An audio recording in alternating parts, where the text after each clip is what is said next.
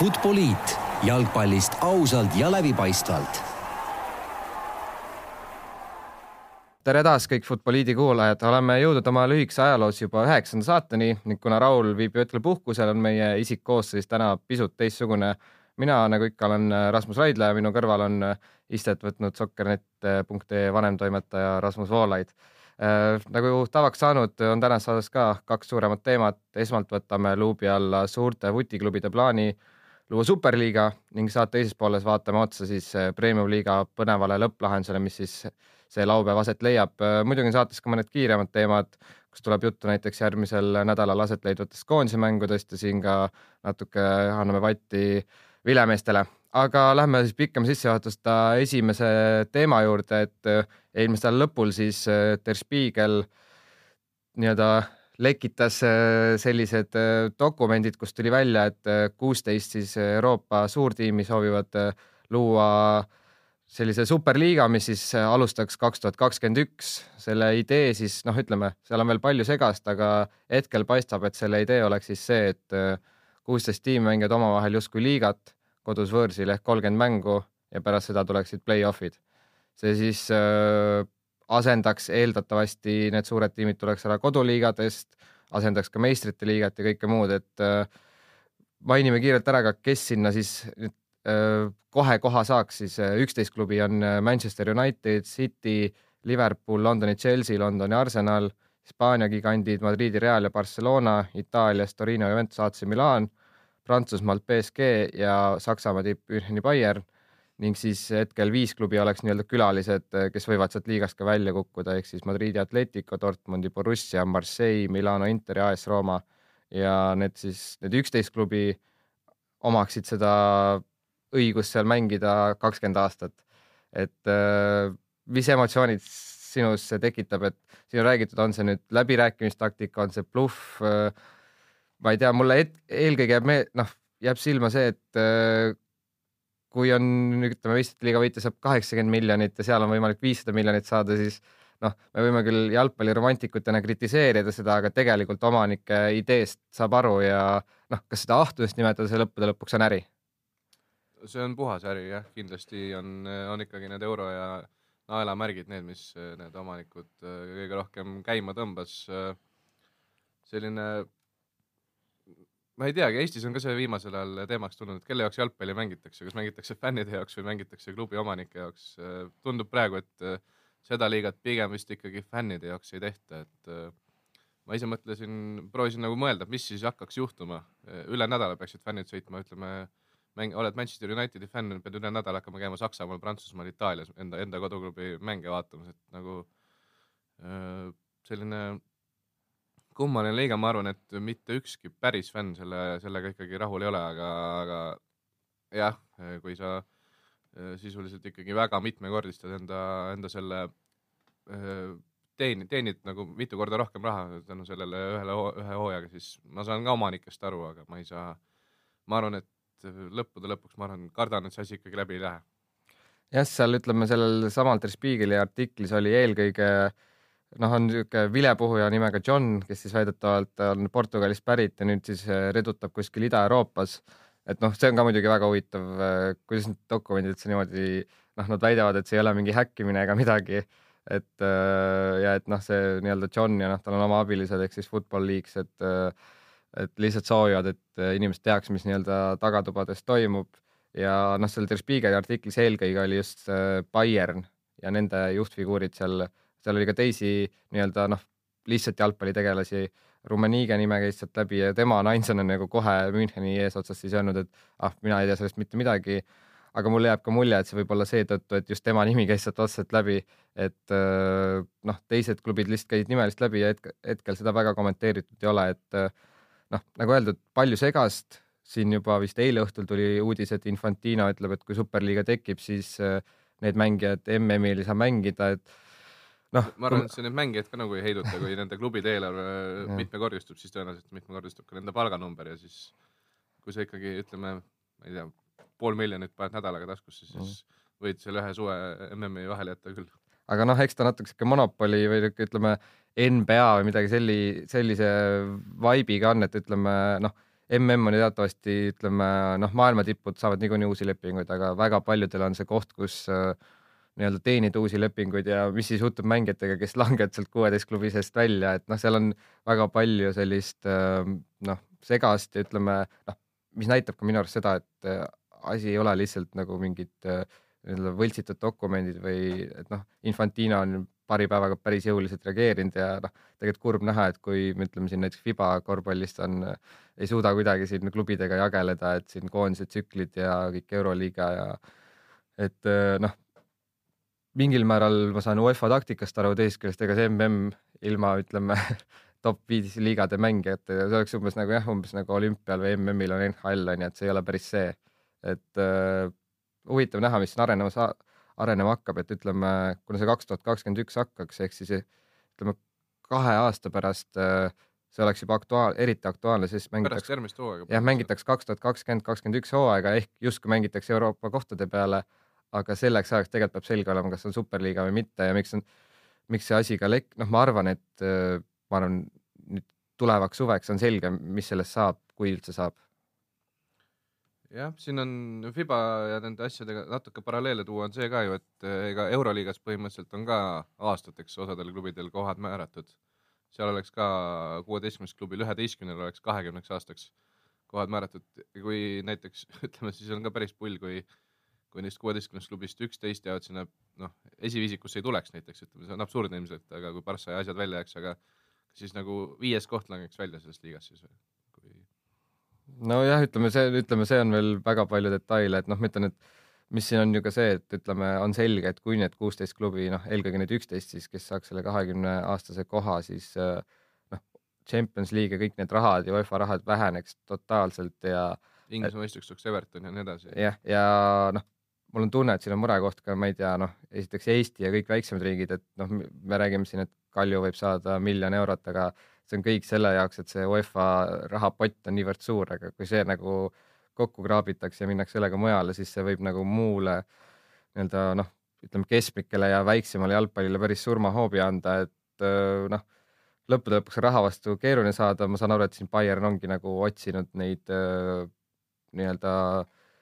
noh, et kas see on äh, legaalne minna niimoodi ära, et ma saan aru, et vist Bundesliga-s ongi see kõige keerulisem, et teiste puhul mul on tunne, et see on lihtsam, eriti kui noh, mis me just rääkisime, et miks see peaks aktuaalne teema olema, et selgelt seda ei saa niimoodi teha üleöö, et ma arvan, et kaks tuhat üheksateist, noh, kui nad hoiat-, nii-öelda hoiatavad liigas ette, et noh, lõppude lõpuks äh, eks siin juristid peavad tegelema, aga noh, nagu me ütlesime, et see vahed on päris suured, et noh, Real eelmise aasta meistriliiga võita sai kaheksakümmend miljonit ja seal siis viissada miljonit pluss oleks garanteeritud. okei okay,, kaob mingil määral ära, on ju ka koduliiga telerahad ja kõik siuksed, aga noh, see lõppude lõpuks on ikkagi mitmekordne tulu ja noh, ma ütlengi, see, miks see saab nii palju kriitikat, on see, et jalgpallifännid soovivad näha nagu võrdset jalgpalli, aga ükskõik mis teisel erialal, ma arvan, et tehtaks niisugune käik, et noh, ütleme firma omanik ütleb, et mul on viis, kuidas me saame oma aastatulusid mitmekordistada, noh, tunduks nagu suhteliselt hea idee jaa, aga siin vist ongi see, et millest kogu aeg räägitakse ka, jalgpall pole lihtsalt äri, vaid on ikkagi proovitakse, Aivar Pohlak räägib seda, kuidas proovib jäl, läbi jalgpalli kultuuri edendada ja nii edasi, et siin kõik need, kõik need asjad ikkagi kokku mängivad ja, ja fännid on ikkagi jube, jube, jube kriitilised, ma endiselt kuidagi, ma arvan, leitakse see viis, kuidas UEFA, UEFA saab ka need klubid maha rahustada. jah, ma mulle endale tundub vähemalt hetkel ka kõige tõenäolisem see, et see on niisugune natuke läbirääkimistaktika, mõlemad pooled tulevad nii-öelda natuke vastu, ütleme, ma ei tea, võib-olla noh, ma ei tea, kaks tuhat kakskümmend saabki meistrite liiga võita näiteks kakssada miljonit ja nii edasi, et noh, mis siin, ma ei tea, USA ja see tuli vist hakati eelkõige laupäeval sellest rääkima, kui oli siin näiteks Manchester Unitedi Bournemouthi mäng, siis seal mängujärgsed stuudiod päris palju keskendusid ka sellele ja Poola stuudiod, et noh, seal oli ka, ei olnud väga head äh, toonid, et näiteks öeldigi, et noh, ütleme noh, nagu sa ütlesid, et Everton ja Bournemouth mängiks võib-olla tiitlile, kaoks ära Liverpool, Everton derbid on ju, pluss on see, et miks on nagu Real ja Manu mäng huvitav, on see, et see on nii harv. Ja miks mm on niivõrd edukas või nii-öelda miks vist vaatab, see eelmine oli mingi statistika, et kolm miljardit inimest vaatas vähemalt mingit osa mängust. nüüd see viimane mm on see, et see on iga nelja aastaga on see pisut harv sündmus et me oleme näinud, et noh, nii korvpall kui jäähoki, need MM-id on justkui kaotavad oma väärtust, need toimuvad iga aasta ja keegi ei saa enam, noh, see tiitel ei ole justkui nii väärtuslik. et ma arvan, et noh, olekski, ma ei tea, esimesed kaks-kolm hooaega, see oleks päris huvitav tippjalgpalli mõistes, aga mingi hetk äh, võib-olla on ka selline, et noh, palju sa neid nüüd sama, sama klubisid vaatad nagu nädalast nädalasse? ja vahepeal on isegi see, et El Clasico, kuna mängitakse ütleme a la Hispaania karika poolfinaali, CL-is saadakse kokku poolfinaalis ja ja pannakse veel liigamäng on ka juhtumisi samal, samas kandis, siis mängitakse kolm-neli korda seda El Clasicut mm. järjest, siis on, seal tuleb ka nagu hakata valima, et iga kord ei viitsi vaadata ja no kui jah ei, see, ma kardan ka, et äh, see natukene tuleb see suure jalgpalli tüdimus tuleb peale küll, isegi, isegi tegelikult MM-i ajal mingil hetkel juba oli see, et natuke on seda liiga palju, aga siis seal õnneks vähemalt see, et läheb kogu aeg huvitavamaks ja iga mäng läheb aina tähtsamaks, aga kui nad mängivad kolmkümmend vooru liigat kõigepealt omavahel, siis äh, jah, võib-olla see Real Marseille tekitaks samasuguse efekti nagu Real Leganes praegu Hispaania liigas, kuigi tegelikult Marseille ikkagi on ju täiesti asine sats. jah, ma ütlen ja mis on veel küsimärk, et noh, me ütlesime, et see liigasüsteem justkui oleks, et oleks kolmkümmend mängu garanteeritud, sealt edasi play-off, aga kolmkümmend mängu ikkagi profitiimile, noh, ütleme siin hetkel mängitakse, ma ei tea, kolmkümmend kuus, kolmkümmend kaheksa mängu pluss liigakarikad ja meistrite liigad. et kui ma peaks pakkuma, siis ma pakuks välja, et noh las see, ma saan aru, et need klubid tahavadki võib-olla, et meistrite liiga langeks kahekümne nelja peale ja noh, need juba midagi ju said, et top liigad saavad natuke rohkem kohti meistrite liigas garanteeritult ja et noh, et mul on tunne, et nad seda rahvusliigade vastu ei saa, et ütleme, Serie A ja Premier League jäävad alles, et või mis võivad kaduda, on see, et ütleme noh, nagu praegu ka need liigakarikad ja FA karikad, need võivad muutuda justkui nagu noorteliigadeks või ütleme noorteturniirideks ja meistrite liiga siis asendub selle superliigaga, aga ütleme noh, pane kolmkümmend kaheksa pluss meistrite liiga, noh, ütleme viiskümmend pluss mängu on praegu onju, et kui sealt läheb peaaegu pool vähemaks, siis äh, noh, et, äh, et mul on tunne, et kui see asendaks midagi, siis meistrite liigat ja nii-öelda liigakarikad ja kõik siukest ja see oleks nii-öelda noh, sihuke kirik keset küla, et kõik on rahul, kõik saavad raha ja nii edasi. kuigi noh, siis on muidugi jälle küsimus, et ütleme noh, et äh, see Euroopa liiga ja mis need kõik tuleks, et kas see super, et kas see superliiga teeb nagu teise nii-öelda, väidetavalt tahavad ka teist liigat endale teha, et mis see siis Euroopa liiga on ja et noh, natuke jääb sihuke jah, no ma ütlen, ma arvan, see Fiba on suht hea näide, et et noh, mingi meistrite liiga eurokapp ja siis, et noh, keegi väidab, et üks on tugevam, teine on tugevam. ja, jah, et äh, läheb nagu keeruliseks, mis on seni nagu jalgpallis suhteliselt selge olnud, et äh, noh, huvitav näha, mis siin saama hakkab, aga noh, selge on see, et see ei ole ka päris selline nii-öelda noh, ainult bluff või nad ei kirjuta nii-öelda omavahel ei vaheta meile selleks, et neid meelega lekitada ja siis öelda, et me nõuame midagi, et seal on kindlasti mingid läbirääkimised ja noh, ma arvan, et see võib-olla see, et need kirjad lekkisid, on ka võib-olla väike taktika või mis iganes onju. et noh, ma ise usun jah, et nüüd, mis oli veel huvitav ju, et need viimased kirjad, mis lekkisid, oli kakskümmend kaks oktoober, sisuliselt nagu Realile vist saadeti, et pange allkiri alla, et see tundub nagu väga lõpusirgel olevat, et noh, eks, eks ole näha, mis seal saab, et eilne meistrite liiga õhtu samas näitas ja me arutasime sõpradega, et noh, eilne justkui oli hea reklaam sellele superliigale, et äh, Real võidab Bolzeni viis-null, äh, siis City võidab Shakhtari kuus-null ja neid tulemusi on aina, aina rohkem ja on toodud ka välja, et noh, me küll räägime, et Premier League on põnev, aga tegelikult Serie A-s ja ütleme, on noh, Juventus ainult kogu aeg võitnud ja City see rus, finantsrusikas on aina tugevam, on vist mingeid reegleid rikkunud, et isegi ilma selle superliigata isegi kui Premier League'is jagatakse madalamatele tiimidele ka seda TV revenue'd ehk TV raha, siis äh, ikkagi see vahe muutub ja eriti muutub ta noh, ütleme väljaspool seda top viis liigat. et äh, noh, näiteks eile ka ütleme mingi, ma ei tea, Lyon, Hoffenheim, noh, iseenesest okei okay mäng, ma arvan, Lyoni ja Hoffenheimi mäng, aga see, ma saan aru, et see nagu, see ei olegi võib-olla päris meistrite liiga, et huvitav on siis, kui Lyon või Hoffenheim pääseb play-off'i ja siis sa mingil määral elad neile väiksematele kaasa. aga tegelikult ju reaalsuses ma arvan, et niisugune neutraalne vutifänn juba praegu vaatab meistrite liigas just neid top tiime niikuinii, et noh, kui sul on kaheksa mängu ühel õhtul, siis ega sa ei jõua kõiki tiime jälgida jah, ma arvan ka, et eile, eile oli kuus mängu oli korraga, ma arvan, et mm. circa kaheksakümmend protsenti kõigist jalgpalli vaadanud inimestest vaatas õhtul ikkagi seda mm. Juve, Juve Manchester Unitedi mängu mm. -hmm. jah, aga ma, kui, kui see, ütleme, kui läheb selliseks liigade asendamiseks, et tuleb meistrite liiga asemel tuleb superliiga, siis jah, mis, mis saab nendest teistest liigadest, UEFA ju tahtis just teha seda kolmandat sarja ka, mul tuli mm -hmm. see praegu meelde, et et kas, kas võib olla mingi protestiaktsioon selle vastu ka või, või, või, mhm. või kuidas üldse näiteks äh, kuidas need klubid, kui Infantino juba ütleb midagi välja, kas, kas need klubid lähevad äkki FIFA, FIFA reeglitega ka vastuollu, kas need mängijad saavad mingisuguseid mängija õiguseid kuidagi ja nii edasi, et kõik, kõik see juriidiline pool, kas, kas klubid üldse lähevad, jäävad siis FIFA egiidi alla ja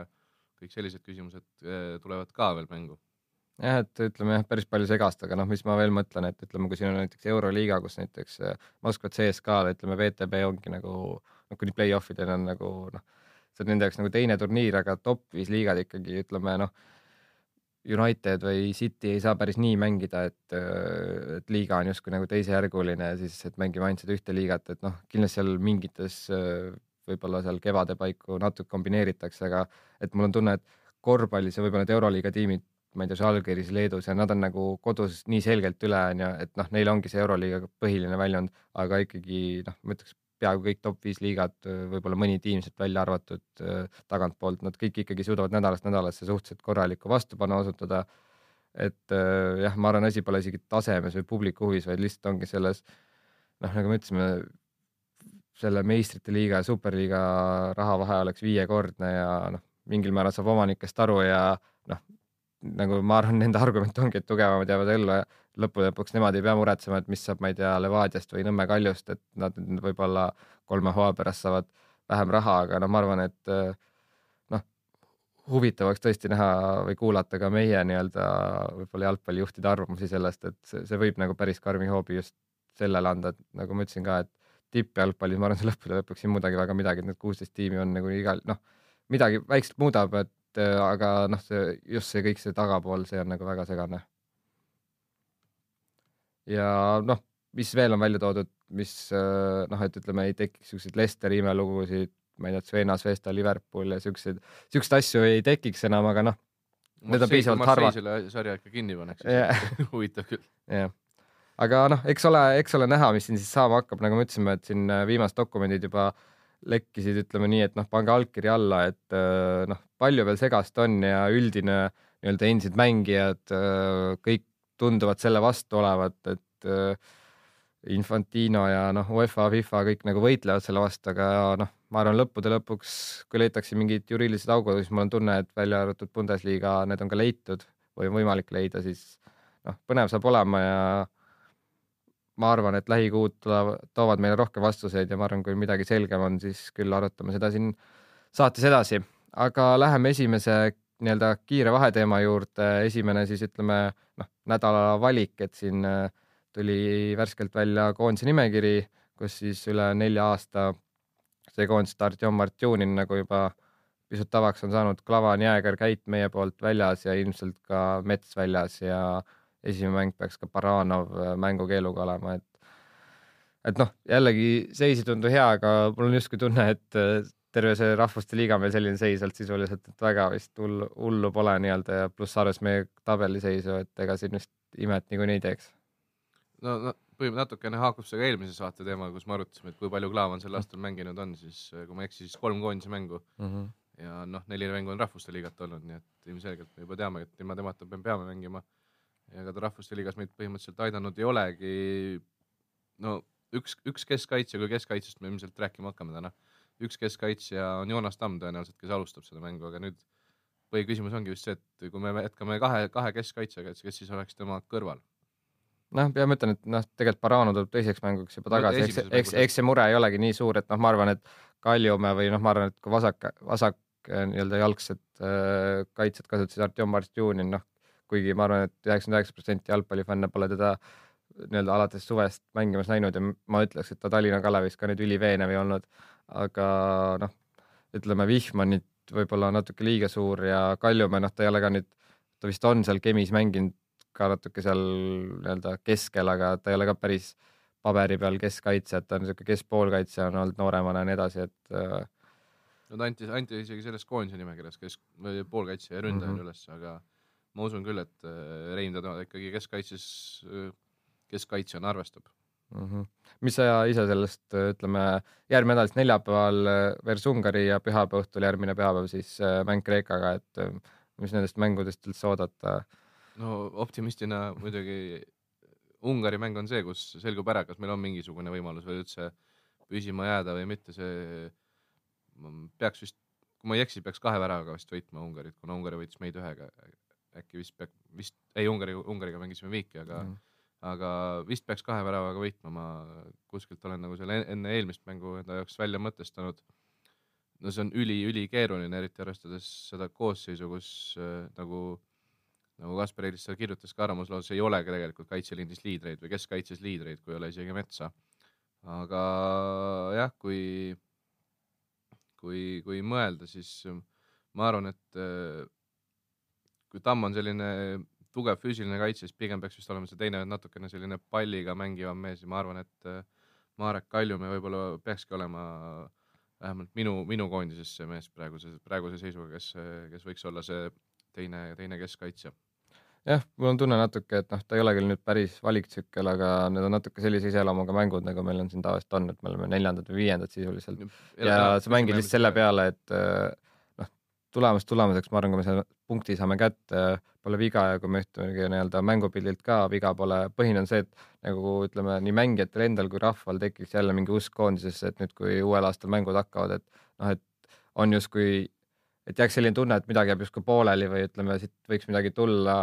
Kui tuleb sihuke, ma ei tea, null kolm, null kaks, siis on nagu asi hapu, kuigi noh, jälle ütleme, siis jääb piisavalt pikk vahe jälle, et keegi võib nullist alata, et heas mõttes või noh, ütleme ühest küljest on halb, et meil seis on väga kehva, teisest küljest suhteliselt pingevab olukord, et äh, eks ole näha, mis seal siis saama hakkab. teine nädala sihuke kiirem teema, siis nädala eksimused siin äh, oleme natuke enne ka kohtunikest rääkinud siin eelmine äh, nädalavahetust tuli kaks sellist Eesti liigast võib-olla kõige kurioossemat seika, et siin mängisid Viljandi Tulevik ja Flora, kus siis kõigepealt selline Gerdo Juhkam sai siis viiekümne esimesel minutil sellise punase, kus tal see käsi justkui oli keha küljes, väga ei oldud rahul, et ja siis päris lõpuminutitel siis Illimar Loigo kuidagi vist tõrjus palli vastu enda kätt, mis oleks noh, oli nagu selgem punane. Ja teine olukord siis esiliiga äh, esiliigas, kus siis Elva võitis koduplatsil äh, Rakveret ja seal lõpuminutitel oldi küll juba neli-kaks ees, aga seal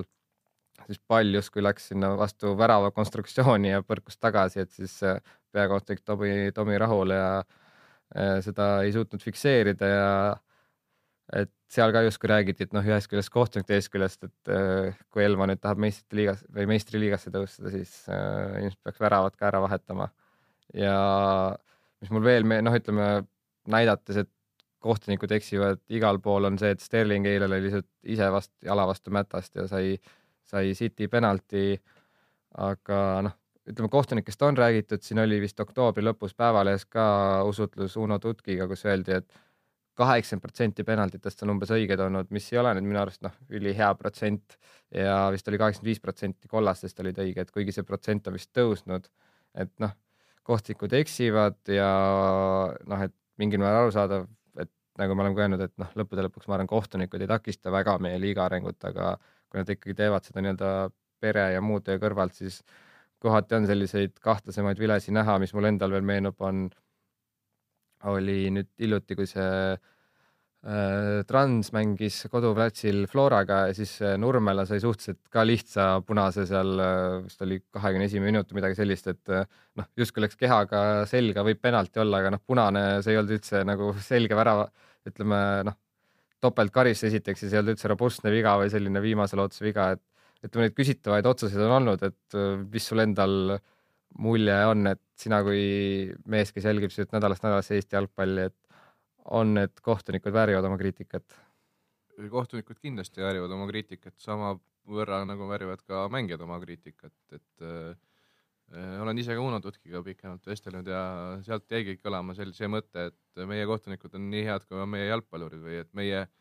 jalgpalluritel on väga keeruline tõusta maailma tippu, samamoodi on ka väga raske kunagi Kristo Tohveril meistrite liiga poolfinaali vilistada, et noh, see, see, see areng või nende nende liikumine on nii-öelda korrelatsioonis ja kui meie jalgpall kunagi areneb, siis kindlasti hakkavad arenema ka meie kohtunikud. ja, ja nii lihtne tegelikult, ma arvan tegelikult, et see ongi jah, et et nendest konkreetsetest eksimus, eksimustest äh, arutada, mis siin nädalavahetusel oli, otsis huvitav. et nüüd Elval äh, üleminekumängud ootavad, et huvitav, kas juba selleks ajaks on ka endal igaks juhuks äh, õiged väravad sinna tõenäoliselt üleminekumängud ootavad, see ei ole sada protsenti kindel, et kas on juba, juba nende väravatega tegeletud ja, ja, ja mis seis on, et need Elva inimesed ise, kui sellest videost võib-olla ei ole sada protsenti, sajaprotsendilise kindlusega võimalik väita, kas see oli üle joone või ei olnud selle nurga alt, aga Elva inimesed ise on, on ikkagi kindlalt teada andnud, et, et see, see pall oli väravas, nii et noh, vedas neil, et see mäng juba selleks hetkeks tehtud oli. jah, ma arvan, ka kohtunikel vedas mis veel eile, ütleme, meil oli siin jalgpalliajakirjanike klubi kogunemine, seal toodi välja selline huvitav punkt, et kui siin käis Levadia hooaja algul Türgis treeninglaagris, siis seal olid kõiki neid noh, mingi kümne, kümme pluss mängu neid vilistasid Sloveenia kohtunikud, kes olid siis Sloveenia jalgpalliliidu kulude ja kõige muuga, neil oli mingi oma soojaks seal ja kõik sihuke, et nad saaks seda nii-öelda hooaja vahel seda tempot tunda, ütleme noh, veel kõrgemat tempot võib-olla kui Sloveenia enda liigas on et äh, meie kohtunikud võib-olla tihti on nagu nüüd novembris lõpeb hooaeg ära ja siis märtsis tulevad jälle. Levadia käis pakkumas suuremat tempot, kui Sloveenia kõrgliiga suudab. ütleme noh, seal olid ju, kellega nad mängisid, olid päris nimekad tiimid kõik, et noh, ütleme seal Türgis on ju teada, et seal nii-öelda noh, need hooajaeelsed nii-öelda sõprusmängud seal on päris ütleme noh, Venemaa tiimid ja igalt poolt, et see tempo on nagu päris hea, ütleme nii, et äh, noh kindlasti on meil jalgpallis sadu muid kohti, kuhu veel nii-öelda raha investeerida, aga see oli iseenesest huvitav mõte, millisel suunal võib-olla mõelda, et noh, kas just otseselt seda kopeerida, aga noh, midagi sarnast, et veelgi tihedamalt seda nii-öelda kohtunike vormi kontrollida. aga siit äh, kodumaa liiga kohtunike juurest läheme siis koduse liiga nii-öelda üldseisu juurde. sel laupäeval siis kell üks äh, viimased viis mängu sel hooajal hakkavad ja hiljemalt siis noh, ütleme kella kolmeks laupäeval peaks olema selge Eesti meister, et hetkel tabeliseis siis selline, kus Nõmme Kaljul kolmekümne viie mänguga kaheksakümmend kolm punkti, Floral ka kolmekümne viie mänguga kaheksakümmend kolm punkti ja Levadia hetkel kaheksakümne ühe, ühe punkti peal. et äh, nemad siis nii-öelda kõige keerulisemas seisus, aga noh, nagu ilmselt paljud teavad, siis Kaljul on mõlemaga omavaheliste mängude eelis, mis tähendab, et kui Kalju võidab koduplatsil, siis on äh, justkui kõik selge ja noh, Flora siis peab lootma, et Kalju vähemalt kaotaks punkti ja Levadia peab siis lootma, et äh, jah, on niimoodi, et siis peab Kalju täiesti kaotama, et äh, mis sa ise hindad, et justkui nagu on tabelis põnev seis, aga samas siin Kihlveo kontorid ütlevad, et Kalju tiitli koefitsient on üks koma üks, et äh, suhteliselt kindel ja. sina nüüd see Kihlveo guru, see tähendab seda et, et kümme protsenti on tõenäosus, et. Äh, no ütleme, see on isegi veel suurem tõenäosus, ma võin sulle kohe. Kalju ei võida tiitlit jah, ütleme üks koma üks on see noh, ütleme, kui sa panustad kümme eurot, saad üksteist eurot tagasi, et äh, ütleme noh, võrdluseks, et Kalju enda võidukoefitsient äh, Transile on üks koma kaks, et äh, noh, et mulle tundub, et isegi kui noh, praeguse hetke Kalju äkki suudab punkte kaotada, siis veel raskem on Floral võita Kadriorus Levadiat. et noh, siin on küll öeldud, et karikas nii-öelda on poole tee peal ja ütleme, mõlemas on autastamine valmis, aga noh näed sa, et on nagu mingigi võimalus, et noh, mingi võimalus on, aga kui tõenäoliselt sa pead seda, et ütleme, tiitel Kaljusse ei lähe? ma ei, isegi ei pea seda nii utoopiliseks, kui see üks koma üks koefitsient on. võib-olla jah, kõige, kui oleks Levadia kaheksakümne kolme peal ja Flora kaheksakümne ühe peal, siis oleks äh, see tõenäosus suurem, sest ma kardan ka, et äh, Levadia on ennast nagu nii-öelda saanud õigele, õige, õigele soonele ja ja nemad mängivad seda, võib-olla nad lähevad kõige vähemate pingetega ka sellele mängule, sest äh, Flora teab, et nemad peavad võitma ja siis on, siis on isegi nagu enam-vähem mingisugune tõenäosus ja ja Kalju on näidanud, kuidas see väristamine käib siin viimased kuu aega, kuigi, kuigi nädalavahetusel, nädal, eelmisel nädalavahetusel mitte midagi ei muutunud põhimõtteliselt, sest siis kõik meeskonnad võtsid selle enda, enda kindla võidu ära. ja Kalju sai ka nii-öelda nagu justkui, justkui sai, sai nagu mingisugused pinged maha, kuna Pärnut raputati päris korralikult, aga, aga ma arvan, et see Pärnu oli, see Pärnu on Pärnu ja Pärnuga ei ole neil viimased paar hooaega absoluutselt mingit probleemi olnud ja ja Trans teisalt on, on meeskond, kes äh, on, on kõiki, kõiki sel hooajal juba hammustanud. Transi motivatsiooni küsimus on muidugi eraldi, eraldi teema, aga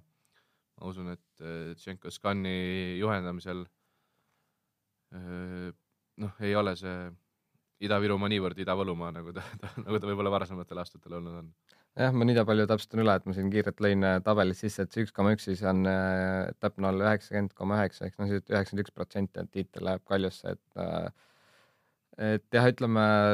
huvitavam oleks võib-olla see, kui Flora mängiks Transiga ja, ja äh, Levadia mängiks Kaljuga onju ja, ja noh, nii edasi. nagu me oleme ka rääkinud, et see lisamäng ka oleks turunduses päris, päris huvitav, aga noh, ma, ma leian ka, et Trans tegelikult võib täitsa üllatada, ütleme, nad siin ju nagu seesama mis ma enne mainisin, kaks-üks Floraga, noh, kuigi seal nad ei mänginud tegelikult väga hästi, nad olid enamuses ja noh, siin kaks-kaks on ka mänginud jah, ja Levadia, Levadia viimane mäng siis kaks-üks, äh, aga noh, seal päris palju puudujaid et äh, noh, mine tea, et ütleme, siin oli kaks tuhat neliteist oli sarnane seis, kus siis Ida-Virumaal oli see karikaringsõit, kus siis auto oli ninaga nii-öelda Narva poole, kus siis Levadia mängis, et äh, Trans oli suutnud siis nii-öelda tiitli mängida toona äh, Florale kätte null-null viigiga Levadiaga, aga enne seda oli kaotanud null-seitse Florale, pärast kaheksa-üks Kaljule. et äh, ja, ja siiski noh, toona sellise hoo pealt nad suutsid ühe mängu naelata, et ma arvan, et oleks see mäng veel Narvas, oleks eriti huvitav, aga noh, eks ole näha. Narvas oleks siis vist äh, võiks, võiks karikaga päris halvasti olla või noh, see, aga huvitav, kus, kus sel aastal hoitakse seda, äkki Arenal kuni kuskil seitsmekümnenda minutini, sest see Arena on nagu enam-vähem keskel tead vist homme tuleb Päevalehes mingi artikkel ka selle kohta, seal oli see, mainime nüüd täpselt, noh, ta on umbes jah, kuskil seal ütleme, noh, ütleme linnas sõidab ringi või ütleme, on valmis liikuma ja noh, ütleme ja seal oli ka selline punkt, et, et kui oleme siin natuke ise arutanud ja natuke võib-olla ka mujal maailmas kuulda, et nii-öelda, et ei Levadia ega Flora nii-öelda ei oleks eetiline, isegi keelatud on nii-öelda meelehead transile pakkuda, et äh, isegi aga no, tagantjärgi ikka võib. tagantjärgi oli ka see, et see ei ole väga eetiline, et noh, ütleme noh, võib-olla sümboolne sihuke kast, kast sinna teele, noh, ma arvan, selle. Kotenkole võib-olla vana, vanade teenete eest võib-olla, kui Levadia, Levadia saaks. et äh, kuidas teil Sokkerites on, et on suurem äh, jõud on seal äh, Hiiu staadionil? mina lähen Kuressaarde üldse suurt mängu vaatama, aga meil on vist on, mõlemal on lihtsalt inimene kohal, midagi nii-öelda erilist ei, vist ei ole. Aga ütleme nii-öelda noh, võtame ka selle, no ütleme, üks voor on veel minna, aga laias laastus te ise teete ka juba hooaja kokkuvõtteid, mis sulle e-, esimesena sellest hooajast justkui meelde jääb, et ma nüüd natuke vaatasin ka hooaja tagasi, kuidagi noh, eriti praeguses olukorras, kus Floral ja Kaljul on täpselt sama palju punkte, siis äh, suurim ämber, see on ikkagi viimaste aastate ämber, on see Mait Toomi juhtum, et sealt ju Karofil tuli varasse kaks-kaks Kaleviga, kus oli noh, muidugi Floral endal nii-öelda tiimil ka süüd, aga noh, pigem oli see lihtsalt sihuke, ütleme, palju segadust oli tiimil sel ajal ja pluss siis äh, noh, siis kaks-kaks Kaljuga kus ka Karofeld, ütleme, see teine värav, kus hunt sihuke suht pehme peaplönni taha lõi ära, et tundub, et see võis võtmehetk olla. ei no Toomi saaga on kindlasti tervikuna on ikkagi väga, see on ikka räme, räme, räme kala tegelikult. või noh, nagu siin ei, põhimõtteliselt ei oskagi tegelikult nagu süüdlast öelda, sest see on nii-öelda kollektiivne ämber või noh, selline fännid, klubi, Toom ise, see on selline Äh, kolmik jah, et kus kõigil on kindlasti oma süü kanda, aga aga kui midagi positiivset, siis äh, äh, sel aastal ma arvan, et äh, kui, kui ma nüüd äh, kolme-nelja aasta pärast hakkan tagasi mõtlema, et see kaks tuhat kaheksateist aasta, siis äh, kui Kalju selle võitmatu, võitmatuks, võitmatuna jääb, siis, siis kindlasti see, eriti kui nad selle tiitli veel niimoodi, tiitlist ilma jäävad, võitmatu Kalju ja tegelikult Saka, Saka numbrid ka, no see on ikka see on ikka rets, söödud ja väravad kahe peale kokku üle viiekümne. mis veel ämbritest mulle endale meenub, on see, et see Narva Transi treener Kuzjajev kadus lihtsalt ära. et vist, loodetavasti vist, üles leitud nüüd. mis see vist äh, öeldi, et kart-, karta on depressiooni, et äh, mees lahkus ja ilmselt kuskil äh, hakkas tinistama vaikselt ja noh, mulle tundub, et nüüd praeguseks hetkeks on see asi nagu vaibunud ja enam vist väga see meeles ei ole ja mingil määral nii mängijatele kui liidule väga hea, et meil ei ole lund maas, siis tegelikult peaks hooaeg juba tegelikult läbi olema, et see ju, kui ma ei eksi, siis tegelikult esimene ringi ära. eelmine aasta vist lõppes viiendal jah? jah, et jah, neljandal minu arust lõppes, et et ju esimene ring, esimene nii-öelda voor jäi ära, sest noh, lihtsalt oli, kas vist oli veebruari lõppu planeeritud, et niivõrd külm oli ja esimene ju voor tegelikult toimus üldse hallis, et noh, see, see, see teine, on ka. teine toimus hallis, esimene toimus juunis või ja, midagi siukest. et ütleme, see on ka mingil määral mingi asi, mis jääb ilmselt tagantjärele meelde ja no. see, et äh, esiliiga vist pidi üldse algama vabariigi aastapäeval mm -hmm. Tartus, samal ajal kui see Tartus paraad oli või see vastuvõtt, presidendi vastuvõtt pidi mm -hmm. tegelikult esiliiga mäng olema Sepastovi seal Annelinna staadionil, et noh, seal tolle ilmaga ei, ei oleks ilmselt mitte ükski inimene tahtnud sinna staadionile minna. küsiks võib-olla veel sinu jaoks, ütleme, suurim üllataja või, ja parim mängija, et oskad sa niimoodi öelda esimese emotsiooni pealt? üllatajana tahad ka mängijat saada või? no ütleme jah, kasvõi üldse, mis siin liigas, noh, võib ka tiim olla, ma arvan, et see mingil määral kätkeb võib-olla konkreetset mängijat siis uh,. Uh, uh, üllataja võib-olla parim, parimaks mängijaks ma paneks ikka Beglarishvili. ja noh, need nagu ma ütlesin, need numbrid ei ole ikkagi, ei ole, ei ole normaalsed heas mõttes. jah, mees oli radaris ka siin nädala alguses, et ma saan aru, et on nüüd vist äh, kodakondsuseksam tehtud, et ta nüüd teeb eesti keele eksami, et äh, kui me siin saadet kunagi alustasime, siis ma ütlesin ka, et võiks juba novembri mängudeks võib-olla Saka kutsuda, aga vist seal on natuke paberimäärimist ka, sest ta on ju Äh, Gruusia eest mänginud, aga noh, ma arvan, et uue jalgpalliaasta huvitav küsimus on ka see, et noh, Forst Reim on ka natuke vihjanud, et võiks ta proovida saada küll, et praegu tal vist nelikümmend üheksa resultatiivset punkti, ta isegi nüüd juurde ei saanud, et, et päris hästi on tõesti mänginud ja et noh, ma ütleks ka, et tema justkui tundub selline loogiline valik parima mängija kohale ja noh, suurim üllataja, mitte et nüüd Kuressaare mingit ulmelist hooaega oleks teinud, aga ma kartsin, et neil läheb veel hullemini, et tegelikult ju tulid äh, esiliiga pealt, kus nad tegid äh, korra nädalas trenni umbes ja ega nad ju väga palju täiendusi ei saanud, okei okay,, nad said natuke siin Flora noori juurde siit-sealt, aga noh, suhteliselt pädevalt on hakkama saadud. ja ma ise, meil on alati see hooaja alguses ennustus ka, kus suhteliselt hästi panin see aasta tegelikult, aga ma panin Pärnu ikkagi ette Kuressaarest. ja kui Pärnu pole kellegagi suurtest suutnud mängida, noh, kui Narva Transi mitte pidada suureks ehk siis esikolmikuga, siis äh, see, et Kuressaare seda Levadiat näpistas, paneme sealt Levadiale kaks juurde, ütleme mm -hmm. Kuressaare poleks, poleks Levadiat viigistanud, siis oleks kaheksakümmend kolm, kaheksakümmend kolm, kaheksakümmend kolm tänasel päeval, aga aga, aga ei ole jah, et äh, ma olen nõus, eelmise aasta nii-öelda kronoloogiliselt, mitte kronoloogiliselt, aga statistiliselt paremuselt viieteistkümnes meeskond tegelikult mm -hmm. Kuressaare ju on, kuna esiliiga viiendana nad siia tulid ja ja nüüd siis äh, isegi, isegi ei jää viimaseks, kuigi Pärnu ei peaks ka mängima Premiumi liigas mm -hmm. nii-öelda ideaalses Premiumi liigas oleks pidanud nad eelmise aasta välja kukkuma, aga, aga jah. jah, ja võib-olla, mis tabeli teiselt poolt veel jääb meelde minu jaoks on see äh, ütleme noh, Viljandi tulevik Kristali ka all ei alustanud üldse hästi, et nüüd natuke sarnane eelmise hooaega, et äh, Herol tuli ja hakkas nagu asi, asi paika loksuma, et noh, Viljandi ka lõppude lõpuks hetkel seitsmendad ja eks näha ole, kas nad suudavad selle koha kinni hoida, aga noh, lõppude lõpuks nad jäävad kindlasti liigasse püsima. ja lõpetuseks võib-olla väike ennustus ka, et mis siis äh, laupäeval saama hakkab, et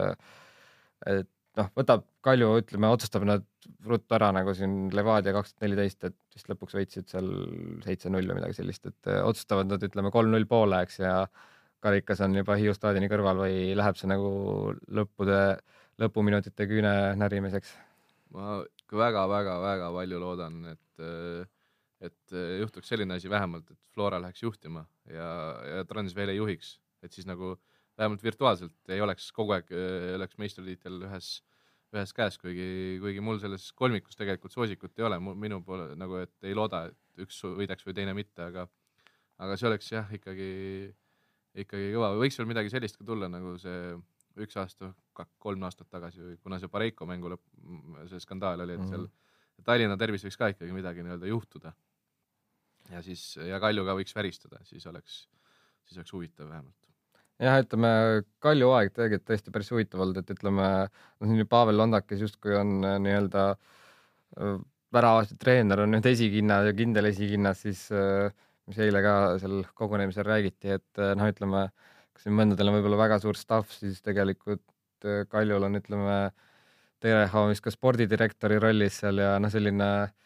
ja neil on väga palju vigastusi olnud, ütleme noh, ei ole justkui ideaalselt neil kõik sujunud, aga lõppude lõpuks on kõik toiminud ja noh. väga palju lahkujaid ka olnud tegelikult. ja kui nad suudavad tõesti seda hooaja lõpuni kaotuseta püsida, siis äh, oleks tõesti päris äh, üle, üle pika-pika aja selline saavutus neil äh, tehtud, et noh, ütleme nii, et äh, laupäeva pärastlõunal oleme siis targemad ja nagu öeldud, kell üks need mängud hakkavad ja noh,